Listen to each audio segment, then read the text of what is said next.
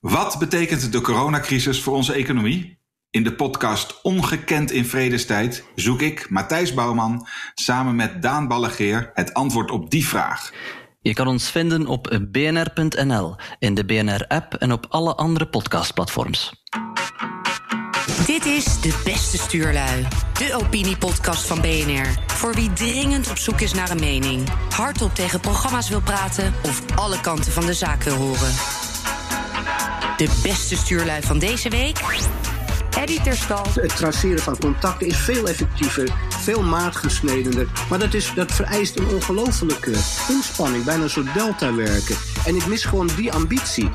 Geert een Daling. Ja, dat is op zich knap en slim van hem. Maar het laat ook wel zien dat pas als het, echt, als het nood aan de man is, als het echt urgent is, zoals nu in de crisis, pas dan is het voor Mark Rutte blijkbaar belangrijk dat iemand vakkennis heeft en kennis van zaken heeft.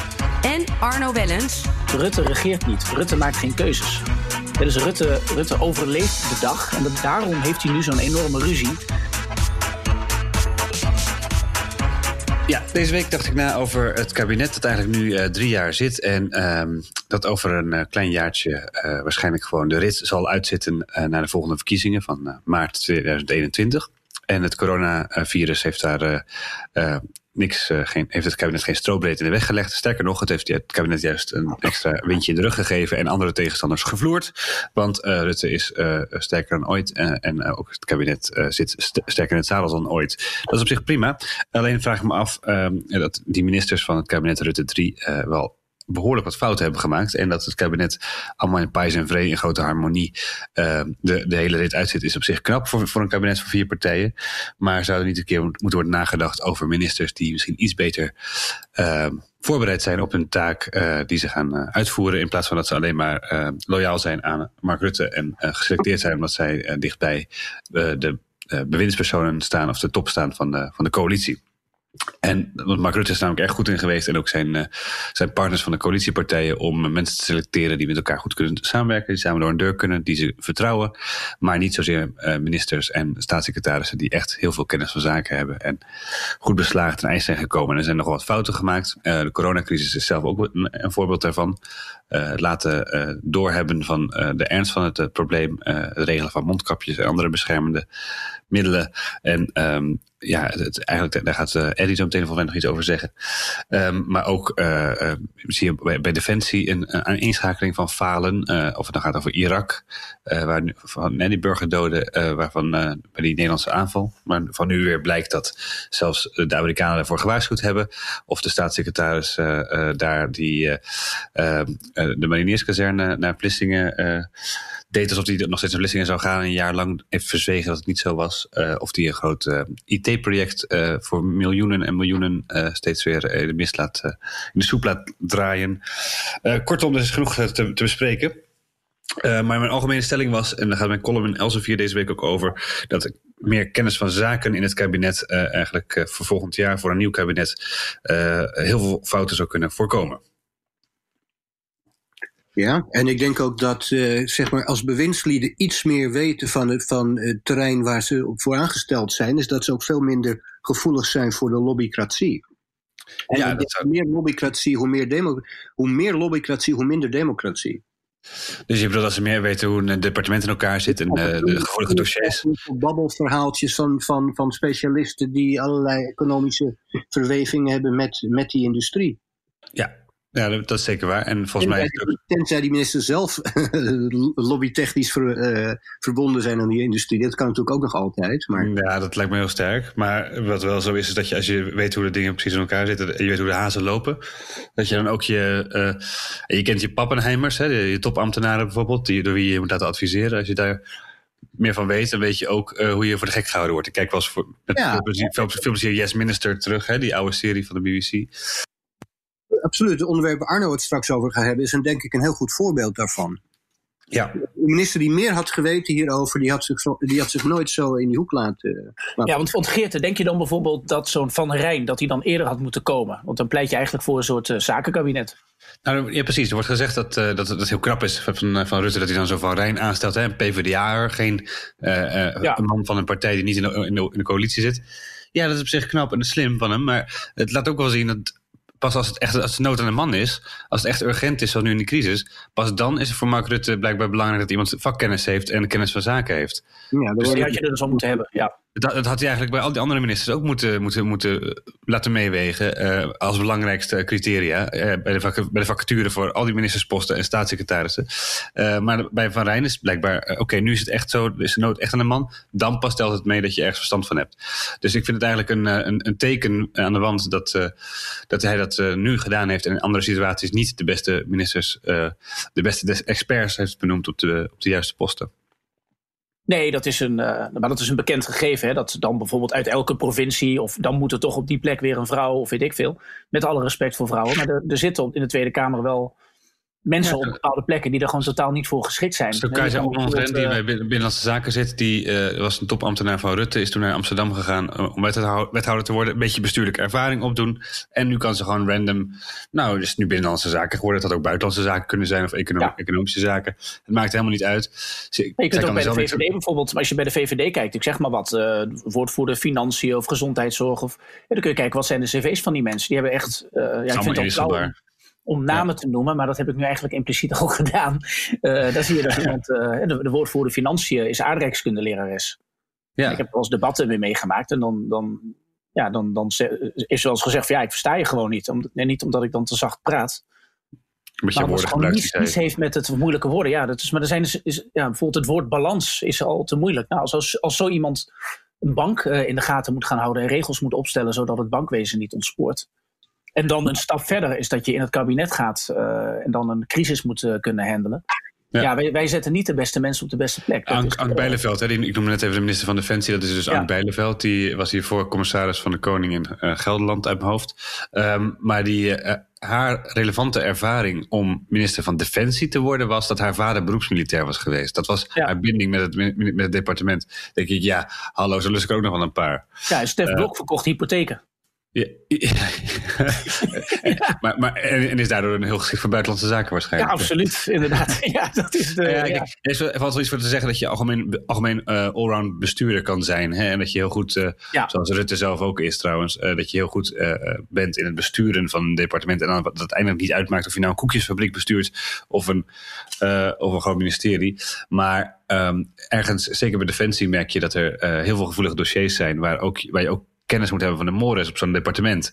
Uh, de, de, weet je, militairen, het leger. Uh, daar, zitten, zitten allerlei tradities achter en codes en uh, mensen die daar sterke band mee hebben. Die hun hele leven daaraan wijden, bijvoorbeeld.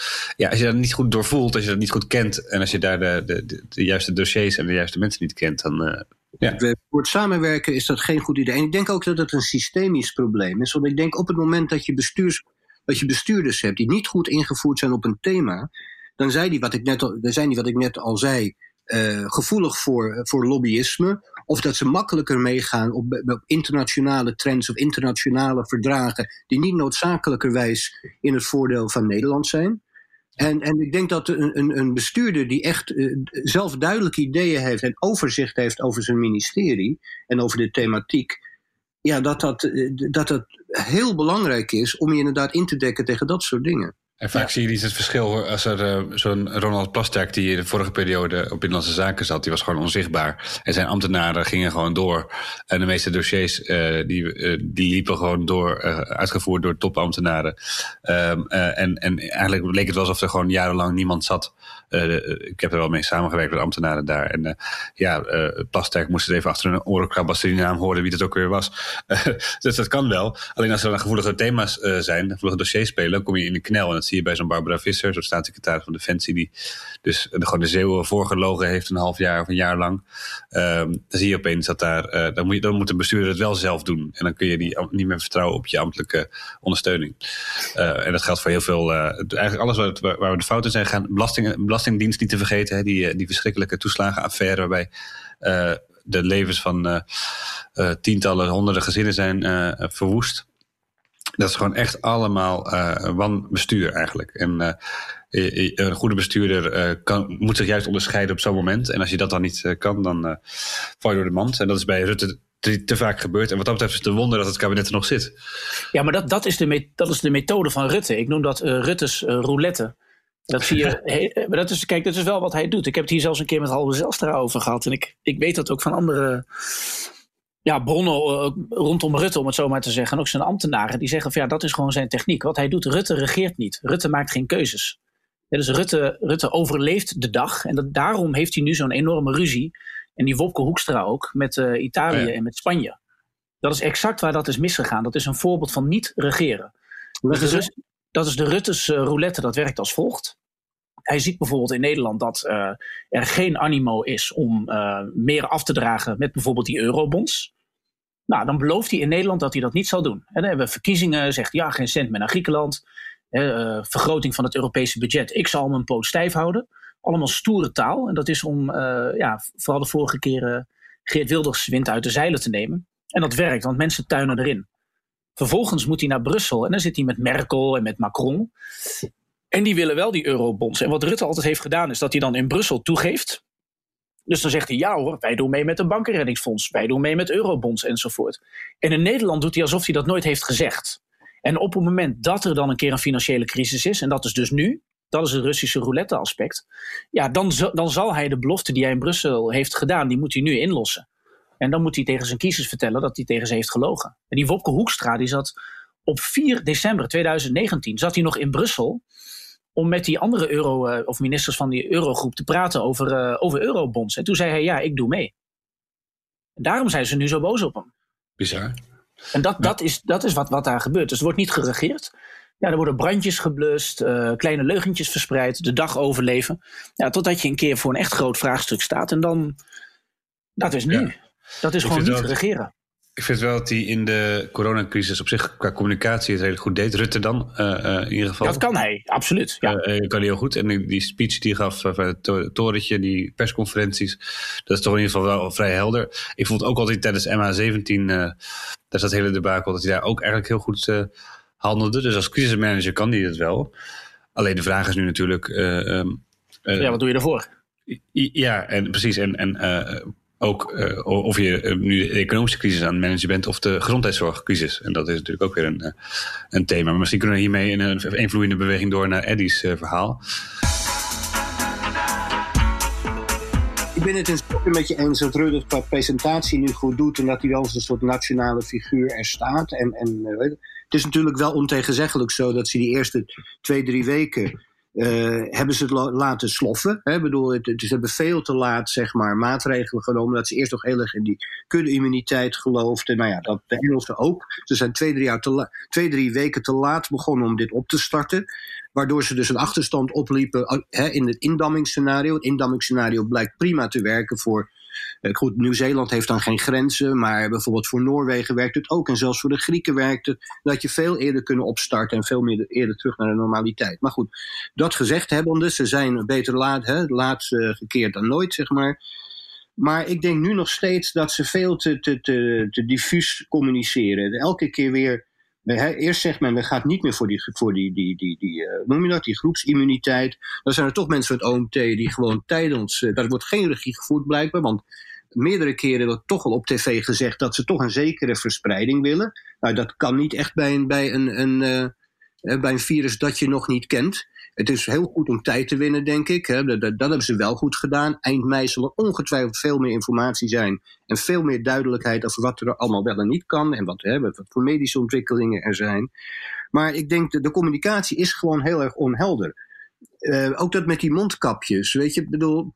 Als je dus inderdaad wil dat het nog een beetje blijft doorsudderen, zeg maar, dat je een zekere mate van immuniteit wil, of dat je wil uittesten wat er kan, ook via die kinderen, Wees daar dan duidelijk over. Weet je, ik bedoel, want nu, maak, nu communiceer je op een manier die vaak tegengesteld is aan dingen die uit het buitenland naar buiten komen. Want mensen hebben internet, of mensen hebben andere. Heel raar, ja. ja. Ik bedoel, daar wordt, daar wordt veel te weinig regie op gevoerd.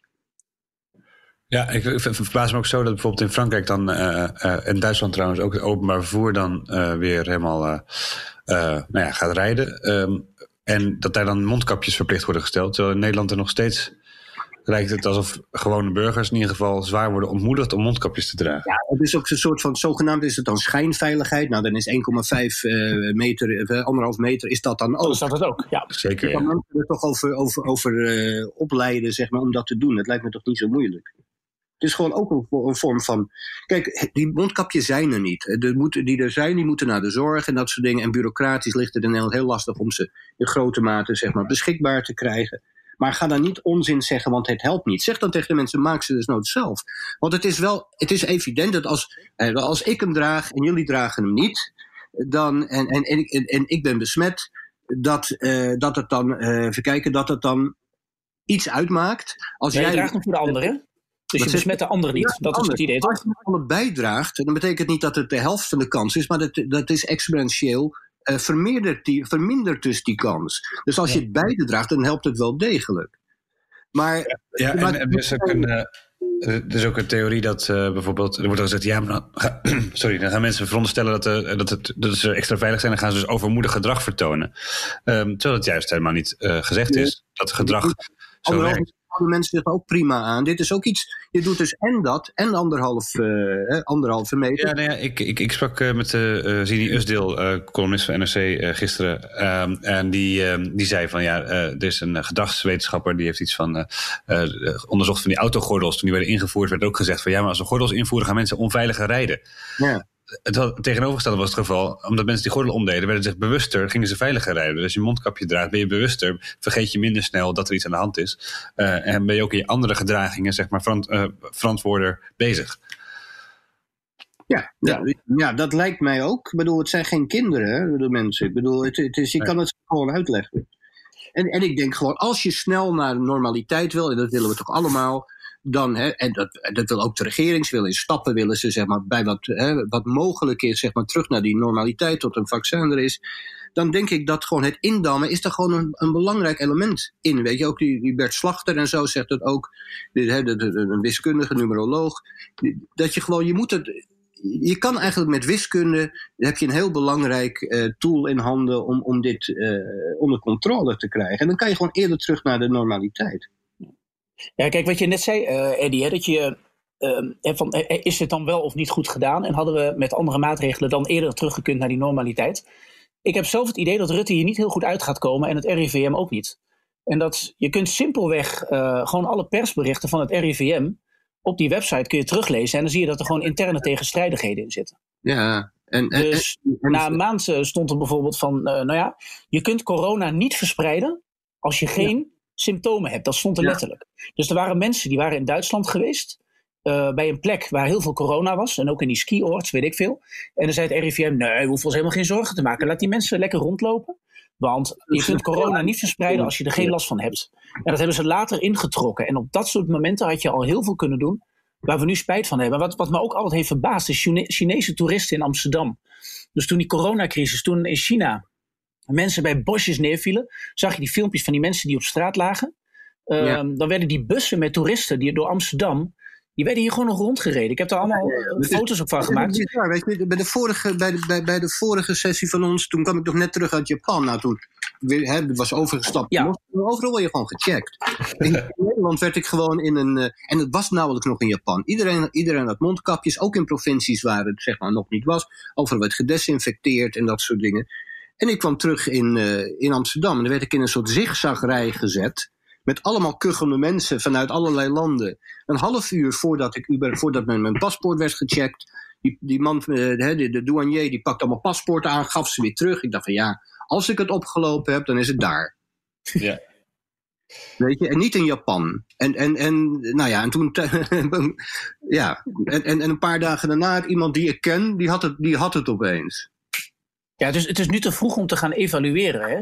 Tijdens eigenlijk gewoon in het midden van zo'n crisis. Maar ik denk als we hier later op terugkijken, dan zien we wel degelijk dat er allemaal dingen zijn gedaan, sorry, op dit moment of in de afgelopen weken, die gewoon echt niet, niet, niet, niet handig waren. Maar denk je, je, zegt, het komt er niet goed uit, uh, Arno, maar denk je dat dat ook volgend jaar nog meespeelt in de verkiezingen? Want ik heb het gevoel dat het juist uh, misschien wel feitelijk zo is, dat iedereen wel door, door heeft dat er allemaal fout is gegaan. Maar dat er zeg maar het sentiment toch wel erg uh, pro-regering is nog steeds en dan blijft. Ja, maar kijk, Rutte die is daar een meester in. Die zal, uh, die, zal dat, die zal dat naar zijn hand weten te zetten. Maar kijk simpelweg naar die website van het RIVM en je ziet dat er tegenstrijdigheden in zitten en dat er beleidsmaatregelen zijn afgekondigd die met de kennis van nu contraproductief werken. En daar wordt niet over gesproken. Er wordt niet gezegd van het, het, het RIVM en de regering die worden nu heilig geloofd, want je hebt vertrouwen in je instituten. Terwijl je nu al kunt zien dat ze toen, uh, toen fouten hebben gemaakt. En ik, maar ik denk dat Rutte erin slaagt. Die heeft een enorme marketingmachine. Uh, je kunt ook op LinkedIn kijken. Dan zie je dat heel veel mensen hebben bij de VVD baan als social media manager, campagne manager. Uh, uh, marketing-expert, dat soort dingen. Die, ze, weten het, ze zullen het waarschijnlijk zo te framen dat Rutte het fantastisch heeft gedaan. Maar je ziet nu al dat dat. Nou, de peilingen zijn, is. Zijn, dat is een exponentiële groei voor Rutte in de peilingen. Dus dat, ja. Nee, maar weet je, ook als je zo onduidelijk bent, dus inderdaad dat sommige mensen het OMT toch over. Uh, toch weer beginnen over toch maar gecontroleerd verspreiden en dat soort dingen. Toch nog daar nog een beetje mee flirten dat geeft ook heel veel aanleiding tot, tot, tot uh, complottheorieën. En dat moet je, als je iets in deze tijd niet wil hebben, ja, dan moet je dat voorkomen, ja. Instituten niet vertrouwen. Ik denk dat er nog steeds is dat het stuurloos is, uh, stuurloosheid is waardoor het is. Ik bedoel, ik heb best wel lang in de politiek rondgelopen en mensen geadviseerd. Ik ben heel veel welwillende onkunde tegengekomen, maar nog nooit complotten. Nee, maar dat, kijk, dat is dus het vervelende. En je maakt jezelf betrouwbaar als je durft toe te geven dat je fouten maakt. Absoluut. En dit is het moment waarop het RIVM zou moeten zeggen: wij hebben in die beginfase hebben wij fouten gemaakt. Wij erkennen dat we dat uh, verkeerd hebben ingezien. En ja. vanaf nu beloven wij beterschap. Want er is ons echt wekenlang verteld dat je geen corona kunt verspreiden als je geen zichtbare verschijnselen hebt. Ja. Vandaag, en, dat, vandaag ook ja, nog. Hoe, wie, wie moet ik nou geloven? Uh, ja, hoe zit dat nou? Ja, ja, dat, maar het is vaak in tegenspraak met wat in het buitenland door, ja. door de specialisten die andere landen adviseren en waarop ge, ge, geageerd wordt, beweren. Ook over die kinderen. Ik vind het zo raar dat uh, het lijkt wel met ons RIVM en het Outbreak Management Team. En zo lijkt het wel alsof Nederland alleen maar last in, in zijn eentje staat. Een eiland is, last heeft van het coronavirus en de rest van de wereld er niks mee te maken heeft. Uh, er wordt heel weinig verwezen naar het buitenland, inderdaad. Er wordt weinig geleerd. Weinig geleerd. Al, al, in het begin hadden we heel veel kunnen weten van, van de Chinezen. Uh, maar elke keer moesten we, nee, dat gaan we nog onderzoeken. We, zijn, we, we, kennen het virus nog niet. Nou, we kennen het virus nou behoorlijk goed al. namelijk al bijna een half jaar. En uh, vooral in Azië weten ze wel uh, ongeveer hoe het virus uh, opereert. Dus de, dat, dat is het onbekende virus, dat, dat, daar kunnen ze echt niet meer wegkomen nu. Ik snap dat niet. Waarom? En pas als Nederland. Er is er nog een Erasmus, als er in het Erasmus MC een experiment is gedaan, als dat er afgerond, dan weten we meer. Ja, dag. Maar weet je ja, kijk naar Zuid-Korea. Ja. Ik mis gewoon de ambitie en, en het vertrouwen op talent. Want wat bijvoorbeeld ook zo is, kijk, die landen zoals, zoals Griekenland, Noorwegen, Denemarken, Zuid-Korea, uh, Nieuw-Zeeland. Wat, wat daaraan, bedoel, die hebben eigenlijk vrij snel uh, actie genomen. Maar dat betekent dat, er, dat ze dat kunnen ze onder controle houden. Met, dus met minimale schade aan mensenlevens en, en vooral ook aan de economie. Of niet vooral ook, maar ook aan de economie. Ja. Maar, dat, maar dat vereist een heel ambitieus programma van traceren. Van een, van, een, van een tracking army van mensen die via de GGD belletjes doen. En de app is ook onzin, want het is ook inderdaad privacygevoelig, dat soort dingen. Maar dat kan gewoon op een ouderwetse manier. Een telefoontje over het traceren van contacten is veel effectiever, veel maatgesnedener. Maar dat, is, dat vereist een ongelofelijke inspanning, bijna een soort delta werken. En ik mis gewoon die ambitie. Want je kan dat bereiken, maar dan moet je er wel volop inzetten. En ik ja, denk dat je ja. eigen vermogen om dat te organiseren te laag inschatten. Ja, want nu heb je dus die app. Ja, dan moet er een corona-app komen die qua privacy verschrikkelijk. Uh, dat, dat is, een, dat is een, een, een draak van een experiment. En als dat ding ja, als hij er eenmaal is, ja, hoe kom je er ooit weer vanaf? En dan blijkt ook nog dat, je, dat, dat het alleen maar zin heeft als je massaal mensen test. Want anders heb je allemaal gegevens van mensen en dan weet je überhaupt niet of ze het, ja, want nu is het nog of, steeds of ze het hebben. Dus nu gaan we dus niet testen, maar we gaan wel de privacy schenden. En dan heb je later niets behalve dan dat je een bepaald burgerrecht heel onzeker hebt gemaakt. Ja, het is ook nog zo. Ik denk dat Jasper Klapwijk, een, een, een slimme twitteraar die daar goed ingedoken is. En vaak zijn slimme twitteraars komen vaak zinniger dingen uit, gek genoeg. Maar ja, goed, de beleid en degene die het beleid bepaalt en talent hoeft niet per se heel erg samen te vallen. Maar die, die zegt ook van ja, misschien is het ook wel zo dat ze, dat ze heel veel van die capaciteit bewaren voor een eventuele tweede golf, omdat ze, in, ja. omdat ze op dit moment gewoon niet zo inschatten dat ze dat niet onder controle kunnen krijgen, dat ze de organisatiegraad niet hebben om dat te doen wat de Grieken doen, om dat te doen wat de Noorden en de Nieuw-Zeelanders doen, de landen die wel succesvol zijn, en dat ze het maar gewoon zo'n beetje zo half-half, en dan hopen ze, ja, hou je het onder de IC-capaciteit, en ja, misschien komt er wel een vaccin. Dat, dat, dat is een ongelooflijk gok die ze aan het wagen zijn. Maar dat is hetzelfde als met wat, wat Hoekstra, of Hoekstra dus in Brussel deed. Het is doormodderen, het is gokken. Het is geen beslissing nemen. Het is de dag overleven en je image uh, redden. Ja. maar niet echt heel hard uh, keuzes durven maken. Ja, die indruk, helaas. Die, ik, ben, ik heb altijd best wel veel. Kijk, we hebben natuurlijk in principe prachtige instituten. Het is mooier dan. Uh, dan, dan hè, het is aan welke niche in de geschiedenis ook. Ik heb er altijd heel veel vertrouwen in gehad. Alleen, er was één element incompetentie. Maar ik dacht, oké, maar dat, dat overleeft de maatschappij wel. We zijn een nijver volk. Er is heel veel morele energie. Er is heel veel technische know-how. Alleen nu, ja, ik, ik, op, op het moment dat het er echt op aankomt, vind ik dat, dat, ja, dat we falen. Ja. Ja, ik, ik stem. Uh, het is een beetje saai, maar we zijn het weer eens.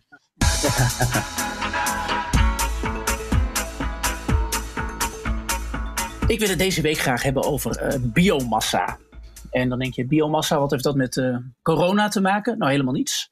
Maar uh, terwijl we ons druk maken om dat virus, zijn er ook nog andere dingen die er wel degelijk te doen. En uh, vorige week kwam er een film uit van de Amerikaan Michael Moore. Planet of the Humans. En dat is een beetje een aanklacht tegen een aantal dingen. ik ga niet op alles in, want die film ligt ook weer onder vuur. in een paar minuten die we nu hebben, moeten we dat niet allemaal proberen te willen of te kunnen doen. Maar wat wel opviel, is de grote kritiek op biomassa. En biomassa, dat is toch echt wel een heel vreemd, uh, vreemd beestje, om het zo maar te zeggen. er wordt nu gezegd, nou, we moeten wat doen aan de CO2-uitstoot. We moeten het uh, milieu beschermen. Nou, ik denk dat we dat uh, allemaal wel met elkaar eens zijn. Ik ken geen mensen die zeggen, nou, ik, ik wil het milieu niet beschermen, ik wil het gewoon kapot maken. Toch? Ik, ik weet niet of jullie mensen kennen die dat zeggen. In, nou, in wezen is iedereen een. nou, oké, okay, je kent er een, dat wil ik zo horen. Maar in wezen is iedereen een milieu beschermen. Maar het gaat dan natuurlijk om de vraag: hoe doe je dat? En een van de dingen waar de, um, uh, waar de regering, de Nederlandse regering, op heeft ingezet. Op aandringen van uh, D66, maar ook de, de milieubeweging, is de eh, SDE-plus-regeling. Subsidiëring duurzame energie. En bij duurzame energie, dat is circulair. Dus alles wat je uitstoot moet ook weer terugkomen. Het moet een kringloop zijn, dat is het idee. En daarbinnen valt ook biomassa. En biomassa, dan, dan, dan, dan gooi je eigenlijk gewoon hout in de, in de oven. En dan ga je dat opwarmen. En dat, dat klinkt heel archaïs. Ik bedoel, dat deden we in het jaar nul ook. Houtstippers zijn er toch? Van die, uh, ja, ja, ja oké, kijk, daar komen we al. want dat, als je dan daar een meeting van uh, bezoekt, dat heb ik dan een paar keer gedaan toen dat nog kon, dan hoor je altijd, nee, maar het is restafval. dus je hebt bijvoorbeeld een houtzagerij en dan valt er hout op de grond, dan heb je snippers of uh, hout dat je niet kunt gebruiken. Nou, dat veeg je bij elkaar en je gooit dat in de oven van de kolencentrale. Let op, daar komt hij. Van de kolencentrale. En dan kun je 10% bijmengen met biomassa of zo. En als je dat doet, het mooie, maar dan, als, je, als je hout verbrandt, dan komt er CO2 in de lucht. Maar als je tegelijkertijd een nieuw bos aanplant, dus voor elke boom die je in de oven gooit, moet je een nieuw bos aanplanten. Dan trekt de groeiende boom weer CO2 uit de lucht. En zo heb je circulariteit uh, bereikt. Na 60 jaar. Na 60 jaar, precies. Dus dat geeft een enorm momentumverlies, zoals dat heet. Want als je eerst een heel oerwoud gaat kappen en je gaat het daarna laten teruggroeien, wat nooit meer zo mooi wordt als het oude oerwoud dat je kapt. Hè, want uh, alle beesten die erin leven, die zijn ook dood. Ja. Dan krijg je een soort monocultuur. Maar dat moet je dus doen om het milieu te beschermen. Dus je, je, het, het, is heel raar. Dus om het, om het bos te beschermen ga je de bomen kappen en de beesten doodmaken. Uh, maar goed, stel dat dat, dat, dat zou werken. dan zit er in die berekening van het kabinet zit een, een paar enorme rekenfouten. Ik zal pro proberen zonder te veel cijfers uit te leggen, maar het is niet zo moeilijk. Um, de, de, de grote centrales in Nederland die dat gaan doen, dat zijn Amer, 9 en Eemshaven. Die zijn van RWE, dat is een Duits energiebedrijf. Ik heb hier de jaarrekening voor me.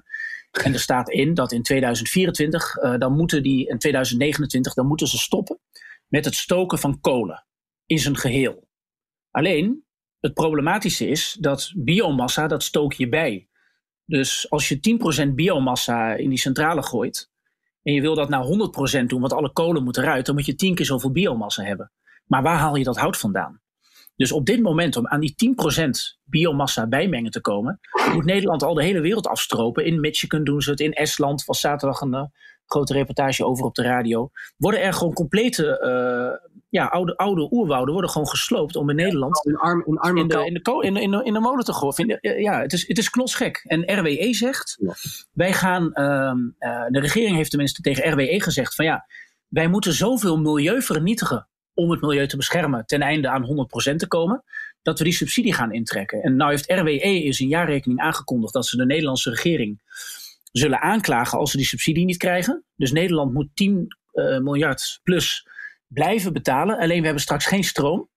En dan moeten we die stroom ergens anders vandaan halen. En dat zal een Poolse kolencentrale zijn. Dus dit, dit biomassa-verhaal, ja. dus dat, dat is echt, echt knotsgek. En we hebben het er niet over, omdat we met corona bezig zijn. Maar column in, uh, in de krant, in de Dukbode, in de, de krant van Wakker Nederland uh, vandaag, die gaat daar precies over. Die gaat over, over die film. Ja, ik bedoel, alle films die, die, met, die tegen een geëikte mening ingaan, die, de, de, de meeste zijn ja, laten we zeggen, opgebouwd uit heel uit halve waarheden, uit insinuaties. Heel veel mensen worden er ten tonele gevoerd. En ook nog foto's dat ze aan feesten zijn samen, bla bla bla. Ja, ja precies. Een beetje stemmingmakerij ben ik eens. Ja. Dat is allemaal zo, absoluut. Eén ding blijft wel overeind uit die film, is de biomassa omdat ja. de, dat is een, een, gigantisch probleem. En weer hebben we het over democratie versus, lobby, versus lobbycratie. Het zijn slimme lobbyisten die de enorme hoeveelheden uh, belastinggeld naar zich toe hebben weten te sluizen. Wattenval en dat soort, dat soort types. En in een systeem dat, dat, ja, dat is een soort rampentrein. En daar zijn heel veel welwillende milieuactivisten afhankelijk in meegegaan. Inmiddels is het zo dat het grootste deel van de milieubeweging tegen biomassa is. Zeker desgevraagd en uitgelegd. Maar die hebben zich als, als voetvolk voor het karretje laten spannen van, en dan zeg ik dan weer als linksjongen, van het groot kapitaal. En ik, ja, ben, ja, ik ben dat, is het... voor het milieu en tegen een lagere uitstoot. Ik ben zelf eigenlijk voor het, het, het, het onderzoeken van kernenergie 2.0 om al dat soort dingen zoveel mogelijk op te lossen. Hè. Dat is een veel betrouwbaardere en uiteindelijk veiliger, uh, veiliger energiebron. Ja, maar het, het, lijkt het lijkt zo de mensen die het beleid bepalen en die het beleid aansturen middels lobbyisme, dat het allemaal mensen zijn die zelf carrière technisch of uh, financieel hebben ingezet op een andere methodiek. Het gaat duidelijk niet meer over het resultaat, het gaat over de methodiek. De methodiek die ze geld en macht uh, in, de, in, de, in, de, in de schoenen, in, in, in een mandje doet, doet komen. En, en uh, ja, wat, wat gewoon niet in het belang is van het milieu, niet in het belang is van de natuur en niet in het belang is van de mensen. En waar wij nee. ongelooflijk veel geld voor moeten gaan schokken in tijden die, die, die, die, die sowieso economisch heel erg slecht gaan zijn voor ons. Ik hoop dat de politiek een soort morele gewicht heeft, of het soort, het soort eh, inzicht en overzicht heeft, om uiteindelijk toch dit zoveel mogelijk terug te draaien. Dat, nu kan het nog. Alhoewel, ja. Als de trein helemaal rijdt en die rijdt al, maar er zal nu heel veel uh, politieke, politieke slagkracht van de zinnigen tegenover moeten worden gesteld om dit te stoppen. Ja, maar dat is het vervelende. Het is precies wat je zegt. Die trein die rijdt al. Bijvoorbeeld Milieudefensie heeft zich teruggetrokken uit dat uh, uh, milieuakkoord. Omdat ze zeggen, ja, je kunt 10% bijmengen in die centrale. Dan ga je een beetje hout sprokkelen in de omgeving. Maar als je van 10 naar 100% wil, dan zul je hele bossen moeten kappen en dat over de hele wereld moeten doen. Dus Milieudefensie zegt, je moet hiermee, hiermee stoppen. Ja. Nou, wat zegt RWE als reactie daarop? Ze hebben ook de pagina waarbij ze uh, biomassa ophemelen als de redder van het klimaat. Ze hebben al die pagina's van hun eigen website hebben ze offline gehaald. En dan zeggen ze, ja, we hebben zo'n goed contact met de milieubeweging. We gaan samen het klimaat redden. Al die pagina's hebben ze offline gehaald, maar ik heb daar gelukkig kopieën van bewaard. En dan zie je dat ze gewoon terugkomen op hun eigen woorden. Maar, Eddie, wat jij zegt over die rijdende trein. In de jaarrekening er staat hier letterlijk van ja, wij zijn al bezig met retrofitting measures. He, dus ze zijn dus al de kolen aan het uitfaseren, zodat die centrales die kunnen straks alleen maar op 100% hout draaien. Nou, dat hout is er niet. Dat heeft Milieudefensie voor ons uitgerekend. Nou, om, uh, alleen de overheid heeft gezegd: wij zullen jullie subsidie subsidiëren. Ja. En als er straks geen stroom uit die centrale komt. De Kamer het heeft tegengehouden, hè? Ja, maar, de, maar RWE gaat nu rechtszaken voeren. RWE gaat nu, gaat nu rechtszaken voeren. En als Nederland die rechtszaken verliest, dan moeten wij 3,6 miljard euro subsidie blijven geven aan RWE zonder dat er stroom uit die centrale komt. En dan is die 3,6 miljard euro, dat is bijna een half procent van ons bruto nationaal product. Dat gaat dan naar het klimaat. Maar dat doet helemaal niks voor het milieu. Dat verdwijnt gewoon in de zakken van de aandeelhouders. Het is, het is absoluut ook een trend. Dat zag je ook met, met dat CETA. Op deze manier, om zeg maar uh, politieke macht weg te geven aan allerlei bizarre, uh, gezichtsloze internationale arbitrage tussen aanhalingstekens ja. uh, organen. Dat betekent gewoon dat onze stem onze stem, de partij waarop wij stemmen, welke partij dat ook is, dat doet er gewoon bijna niet meer toe. Want we, we liggen al vast in allerlei verdragen die helemaal niet door het parlement zeggen, die helemaal niet geaccordeerd zijn door de kiezer. Het is echt schandalig. En, en, en, en, ik, ja, eigenlijk moeten de hele oppositie, maar ook gewoon de, de, de, de regeringspartijen, die moeten gewoon nu echt hier, hiervoor gaan liggen. Dit kan echt ja. niet. En er zijn precedenten geschapen, dus inderdaad met dat CETA. En om dat soort redenen drijft het allemaal de verkeerde kant op. Ja, want je hebt straks, straks is die is die, zijn die centrales dicht. Want die kunnen niet op 100% uh, uh, hout draaien. Dat hebben we wel even geprobeerd. Dus de milieuschade is enorm. Mensen hebben dan geen baan. Er komt geen stroom uit die centrale, want die moet dicht uh, uh, liggen. De, de, de, uitstoot, of tenminste de, de, de productie van stroom, wordt dan gecompenseerd door kolencentrales uit de Sovjet-tijd in, in Polen. Dat zijn de meest vervuilende van de wereld. Terwijl we net die in Nederland hebben uh, dichtgegooid. Dus je verpest het milieu, je, je beschadigt je economie en er is geen enkele milieuwinst. En dat, ja, mensen moeten toch zien dat je hier gewoon heel gek bezig bent. Ik vond, uh, wat zeg je, Eddie? Het is pure bedrog. Ja, ja. Ik, de documentaire heet Planet of, of the Humans, toch? Is dat, ja, klopt. Uh, ja. van Michael Moore. En... Heel veel nogal bouten vergelijkingen en combinaties in. Dat is altijd met, met, met, met die, die beetje complotachtige dingen. Dat doet Michael Moore wel vaker. Maar als je, daar eventjes, als je dat eventjes, uh, al is maar een, een kwart waar, dan is het al heel gunstig. En ik vrees dat 26% waar is. En dat is heel ernstig. Ja, ik vond het ook wel een aanrader. Hij staat op YouTube uh, gratis te bekijken voor mensen die het interessant vinden. Anderhalf uur. Gratis, dat zeggen we erbij. Gratis. Gratis. Doem, doembeelden over uh, enorme zonneweiden en uh, vervallen windmolens. En, ja, nou, we, kunnen de, en, we kunnen de les uittrekken. En scheepvaart, hè, want die, die houtsnippers, die worden, werd ook gezegd dat Europa haalt die dus inderdaad uit Amerika, Noord-Amerika, maar ook uit Indonesië zelfs. Ja, um, dat, dat kost CO2, ja. en ja, heel veel CO2, niet alleen, maar iedereen staat er binnen op dat CO2, maar die scheepvaart is zo ontzettend vervuilend. Um, met heel veel andere uitstoot, onder andere CO2, maar veel meer... elektrische vrachtwagens wordt het verscheept, las ik daar. dat we daar nog intrappen. ja, het vervelende aan die scheepvaart inderdaad, is dat zij de, dat geldt ook voor cruiseschepen, is dat ze, omdat ze vaak uh, op open zee zijn, uh, nou de, maar hebben ze de, de meest vervuilende brandstof die er is. En als je dat allemaal optelt, dus als je veel meer van dat soort scheepvaart uh, gaat hebben om houtsnippers te vervoeren, ja, dan, dan, dan vindt die uitstoot en die vervuiling die vindt plaats in internationale wateren uiteindelijk hoopt het zich toch op in de atmosfeer. Hè, want de, eh, de lucht houdt zich, het milieu houdt zich natuurlijk niet aan zeegrenzen. Uh, maar dan is de uitstoot niet in Nederland zelf. En dan kunnen wij boekhoudkundig doen alsof wij heel milieuvriendelijk bezig zijn. Terwijl we gewoon geld kapot gooien en het milieu beschadigen. het, het verbaast mij dat een intelligent land dit doet. Zou het juist allemaal delen vanuit het wereldbelang en uh, de, om de hele planeet te redden. Uh, ja, politiek moet hier veel scherper op zijn. Veel scherper. Echt een oproep. Nou, ja. jij, jij, zit goed in de politici, jouw vrienden en kennis en kring. Ja, dus- ja, nee, ik stuur geregeld dingen door. Goed zo. En wat zeggen ze dan? Wat zeggen ze dan? Ja, ja, ja, nee, ja, ja, kijken we naar en zo, weet je. Maar ja, ik zit, uh, ik zit te poer in andermans portemonnee, maar, de, ja, maar, maar die, die types, uh, die hebben sowieso te veel geld.